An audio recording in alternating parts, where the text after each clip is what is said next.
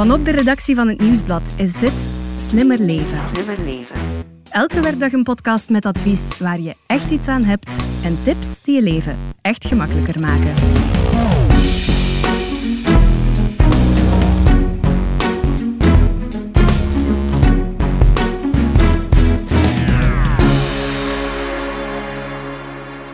We hebben de afgelopen maanden meer dan ooit thuis gegeten. Eten gekocht, gekookt en thuis opgegeten. Maar eten in huis halen hangt ook vaak samen met eten weggooien. Een ideale gelegenheid om ons dus eens te verdiepen in eten bewaren. Ik ben Elias Meekens en bij mij zit Stefanie Verhelst, vaste redactrice van deze podcast. Hallo. En Tini Brandt, coördinatrice van Slimmer Leven. Hey. Stefanie, jouw koelkast, hoe ziet die eruit? Ehm, ik ben er niet super trots op, eh, maar onze koelkast thuis is volgens mij een voorbeeld van hoe het niet moet. Het is echt complete chaos. Ehm, daar zit geen structuur in of een systeem. Alles staat gewoon waar er plek is. Ja, alles er gewoon inproppen, hop, koelkast dicht, klaar. Gevolg, ja, regelmatig dingen weggooien omdat ze niet lekker niet meer zijn. Ja, zonde hè. Ehm, Zo'n goed voorbeeld vind ik een blok Parmezaanse kaas. Kost ook best veel centen. En het overkomt me zo vaak. Ehm, er ligt altijd zo eentje verscholen ergens in een hoekje van de frigo. Eh, bij de boodschappen in de winkel denk ik, hmm, hebben we zeker niet meer? Koop ik nog een? maar thuis blijkt dat er gewoon nog één lag. En na verloop van tijd liggen er dus twee blokken Parmezaanse kaas met schimmel. Oké, hoe organiseren we onze koelkast best? Tini, jij hebt daar al veel artikels over geschreven. Ja, dat klopt. Ehm, en we hebben er ook eh, professor Frank de Vlieger van de UGent over gebeld. Hij is ehm, expert op vlak van levensmiddelen, microbiologie, dus hij weet eigenlijk alles over eten bewaren. En volgens hem zet je de koelkast best op 4 graden. En als je die op 4 graden zet, dat zorgt ervoor dat het beneden, waar het het koudst is, 2 graden is. En bovenaan 6 graden. En aan de hand daarvan vertelt hij hoe je je koelkast dan het best ordent. Van boven zitten best de producten zoals sausen en dergelijke. Dat zijn eigenlijk vrij stabiele producten die eh, heel traag gaan bederven. Daaronder kan je dan eh, groenten eh, en fruit gaan aanbrengen, eieren ook. En dan de, de zuivelproducten. Die dienen eigenlijk al wat bij lagere temperatuur te staan. En dan uiteindelijk vlees en vis zijn de meest bederfbare producten en die dienen echt het koudst te staan. En dus dranken zet je dan best in, in de deur of ook op, eh, op een wat hoger niveau. En hij voegt daar ook nog aan toe dat die temperatuur, dus die 4 graden, echt wel een groot effect heeft op de houdbaarheid. Om te vergelijken, ehm, iets wat bij 0 graden bewaard wordt, gaat bijvoorbeeld twee keer zo lang mee als iets dat bij 7 graden wordt bewaard. Zijn er ook dingen die je beter niet in de koelkast bewaart? Ja, eh, zeker. Exotisch fruit is logisch eigenlijk. Bananen, avocado's, die zijn de warmte van, van ginder gewoon. Maar komkommers, tomaten, citrusvruchten, die hoeven ook niet in de koelkast. Je kent dan misschien wel tomaten die nog niet helemaal rijp zijn. En als je die dan niet in de koelkast legt, dan gaan die verder rijpen en dan worden die eigenlijk sappiger en lekkerder. En omgekeerd geldt ook. Als je fruit hebt dat al heel rijp is en dat je toch nog niet wil opeten, dat nog een dagje wil bewaren, als je die dan net in de ijskast gaat leggen, dan gaat dat rijpingsproces afremmen en dan ga je die iets langer kunnen bewaren omdat ze niet verder rijpen. Oké, dat wist ik niet.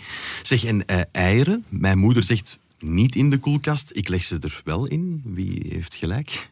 Ja, daar is eh, wel wat discussie over. Ik zal het professor De Vlieger laten uitleggen. We weten dat eieren soms besmet zijn met salmonella. En eh, salmonella kan niet groeien bij koeling. Dus dat betekent als je eieren bewaart in, in de koelkast, dan gaat, kan salmonella niet uitgroeien. En dat is zeker een belangrijk voordeel. Anderzijds is het zo, als je eieren in de koelkast bewaart, dan kan dat wat condens op, eh, op de schaal terechtkomen en kan daardoor er schimmelgroei optreden tot binnenin het ei, wat dan negatief is. Dus eh, om die reden worden soms eieren niet bij koeling eh, bewaard. Maar ik bewaar ze wel bij koeling. Omdat ik zelf vind dat salmonella, dus naar voedselveiligheid, belangrijker is dan eigenlijk eventuele bedorven ei te hebben die dan gewoon wegsmijt als je het opent en je ziet dat het bedorven is. Kijk, als de professor het doet, dan laat ik ze gewoon in de koelkast liggen. Eh, alleen al door deze regeltjes te volgen kunnen we al flink wat eh, voedsel minder verspillen, denk ik. En dus geld besparen, hè, Stefanie. Ja, er zijn organisaties zoals Foodwin die zich daar echt in specialiseren. Ehm, en volgens hen gooit elke Belg zo'n 173 kilogram per jaar aan eten weg. Dat is echt superveel. Ehm, en door slimmer eten te kopen, beter te bewaren en minder weg te gooien, kan dat een gezin per jaar tot 445 euro opleveren. Ja, 445 euro, daar kan je al eens iets eh, mee doen. Hè? Lekker gaan eten. Bijvoorbeeld. Misschien. Oké, de koelkast hebben we gehad. Zometeen bespreken we nog de diepvries, eten invriezen en schimmels. Maar dat is voor straks. We gaan er eerst even tussenuit. Tot zo.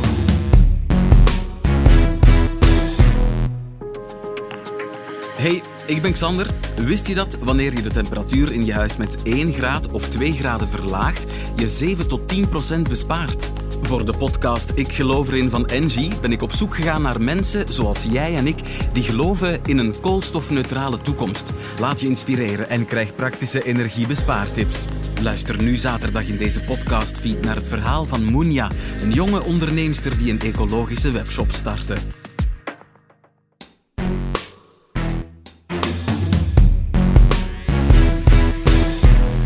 Tini, vertel eens. Iets wat uit de vriezer komt en je laat het ontdooien, dan mag je niet opnieuw invriezen, hè? toch? Mm, Ja, dat klopt eigenlijk niet helemaal. Eh, maar je moet vooral rekening houden met hoe je het ontdooit. Eh, dat is vooral belangrijk, zegt professor Frank de Vliegeren. Je moet eigenlijk op een manier onttooien dat micro-organismen niet de kans krijgen om te groeien. Wat betekent dat? Je moet ofwel heel snel gaan onttooien, bijvoorbeeld in een microgolf of onder warm water.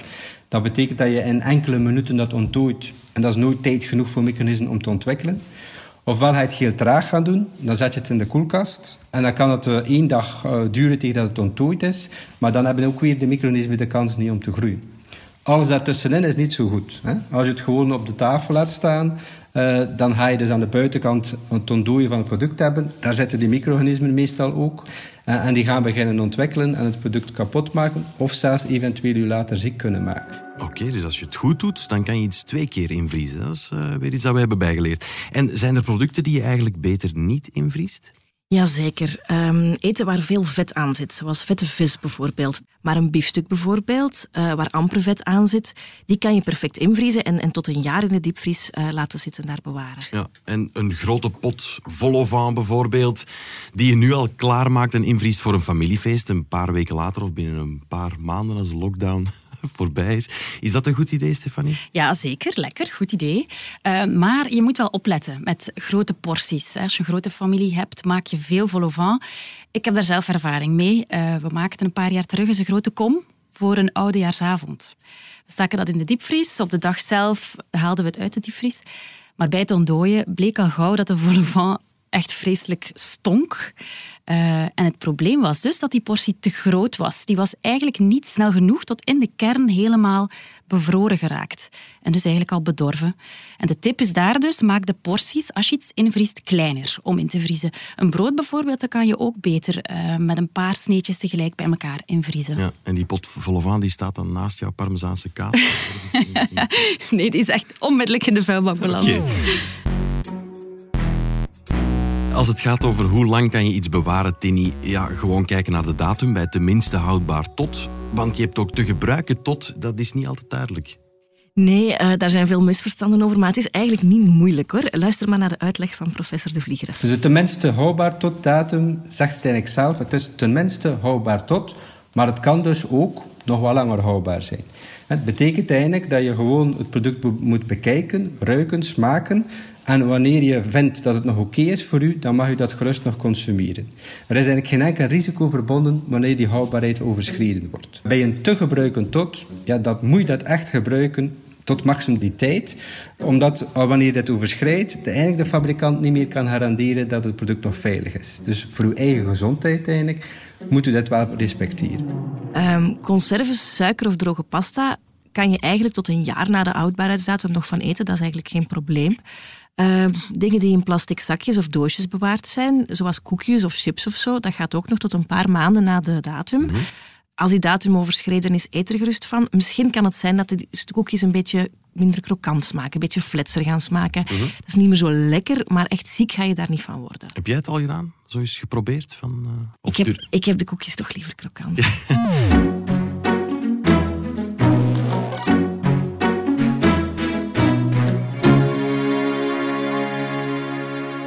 Zijn er geen uitzonderingen eigenlijk? Iets wat je absoluut niet mag eten na de datum van tenminste houdbaar tot? Ja, er zijn er een paar. Zachte kaas bijvoorbeeld. Uh, doe je beter niet yoghurt, gebak um, of zo broodjes om af te bakken. Dat, dat doe, eet je beter niet meer na de, na de datum. Oké. Okay. En zo een beetje schimmel op kaas, Gewoon eraf snijden, Stefanie? Nee, nee, nee, nee, nee. Ik durf het wel eens doen, uh, maar eigenlijk is het echt geen goed idee. Uh, want schimmels produceren microtoxines. Uh, dat zijn toxische deeltjes die op lange termijn echt ziek kunnen maken. soms zijn die zelfs kankerverwekkend. Um, luister maar wat, wat de professor erover zegt. Het algemeen beschimmelde producten mag je eigenlijk niet meer opeten. Ook niet daar een stukje gaan afsnijden. natuurlijk, als je echt een hele, hele grote klomp kaas hebt. We weten dat wanneer je ongeveer een 3, 4 mm afsnijdt van een kaas, dat op dat moment uh, die toxines ook verdwenen zijn. Maar bijvoorbeeld in confituur, die eigenlijk veel viskeuzer is, daar gaan die toxines veel makkelijker in die confituur zich verspreiden. Dus de beschermde confituur sowieso je eigenlijk niet meer opeten, moet je volledig wegsmeten. Kaas zit daar een beetje tussen. En het zal ook afhangen, is de harde kaas, dan kan je dat makkelijker gaan doen. Is het een heel zachte kaas, ja, dan zou ik dat toch ook niet meer doen. Uh, Stefanie, ter voorbereiding van deze aflevering heb je mij beloofd dat je de tips zou toepassen in je koelkast. Is dat ook gelukt? Um, ja, ik vond het een goede uitdaging. Ja. Dus uh, ik heb het geprobeerd, uh, omdat ik merk dat we echt wel gewoon te veel weggooien thuis. Um, dus ik heb eens heel onze koelkast leeggemaakt, gepoetst. Hola. En dan alles ingevuld zoals het hoort. Alles op het juiste schap. Bovenaan de saus en de confituur. Onderaan wat het koudste moet staan. Vers vlees of vis of zo. Um, en ik moet zeggen, het rangschikken in de koelkast vraagt elke dag opnieuw wel nog een soort inspanning van iedereen uh, om de dingen er niet gewoon in te zetten waar er plaats is. Ik heb drie zoontjes en een man. Uh, ja, kijk. Uh, maar ik merk wel dat het eigenlijk wel helpt. Ik weet nu wat ik in de koelkast zitten heb. En als ik nu boodschappen doe, dan neem ik zelden eigenlijk iets dubbel mee. Uh, en wat erin zit, blijft gewoon langer goed. Dus ja, kijk, voilà, het is echt waar. Omdat het op de juiste plaats zit, blijft het langer goed. Hoeveel geld het me oplevert, mm, dat is niet makkelijk te berekenen. Daarvoor zou ik een langer onderzoek moeten doen. Maar ik gok dat het toch wel al een paar tientallen euro's uh, dat ik die zo heb uitgespaard. Dat is slimmer leven. Misschien moet ik ja, toch ook eens overwegen om die koelkast wat onder handen te nemen. Goed. Uh, wat zegt Dr. Google trouwens over uh, eten bewaren? Dr. Google. Heeft hij nog een ultieme tip? Ja, eigenlijk wel twee. Ik heb een paar life hacks nog gevonden als het gaat over eten bewaren. Volgens Dr. Google is er een oplossing voor aardappelen die in je kast beginnen te schieten. Ken je dat? Mhm. Ja, iedereen heeft het voor. Hè? Um, Kijk, zorg ervoor dat die aardappelen sowieso op een hele donkere plaats liggen en samen met twee appels, zegt dokter Google. Dan gaan ze niet kiemen. Ik heb het gecheckt. Um, ik heb het aan de professor gevraagd en blijkbaar klopt het. Want appels produceren een bepaalde stof, ethyleen, en die remt de kieming van aardappelen. Dus dat is een goeie. En dan champignons, daar heb ik ook nog een leuke over. Die lezen blijkbaar graag. Champignons lezen volgens Google graag de krant. Het nieuwsblad. Ik, ja, uiteraard. uiteraard. Um, maar als ze dus in krantenpapier gewikkeld zijn, in plaats van in een bakje te laten zitten, dan bewaren ze langer. Dan bewaren die champignons langer. En het blijkt ook te kloppen. Dus het is het vocht. De, die, die champignons gaan een beetje ademen en er komt een beetje zuurstof vrij. Um, en dat krantpapier absorbeert dat dan. Het enige nadeel, zegt de professor, uh, die inkt van de krant, die kan mm. zich ook weer gaan afzetten op de champignons. Dat is niet zo ideaal. Eigenlijk is een keukenhanddoek een goed idee. Uh, ik hou het toch op het nieuwsblad van eergisteren. Goed, fantastisch. Stefanie en Tini, hartelijk bedankt. Graag gedaan. Met plezier. Dit was de podcast Slimmer Leven van het Nieuwsblad. Slimmer Leven. De presentatie was in handen van mezelf, Elias Meekens. De redactrices waren Stefanie Verhelst en Tini Brandt. De audioproductie gebeurde door Pieter Schrevens van House of Media. De eindredactie werd in goede banen geleid door Bert Heijvaart en Eva Michom. Wil je reageren? Dat kan op slimmerleven.nieuwsblad.be. En als je deze podcast leuk vond, schrijf gerust een review op je favoriete podcastkanaal. Zo toon je ook anderen de weg. Alvast bedankt.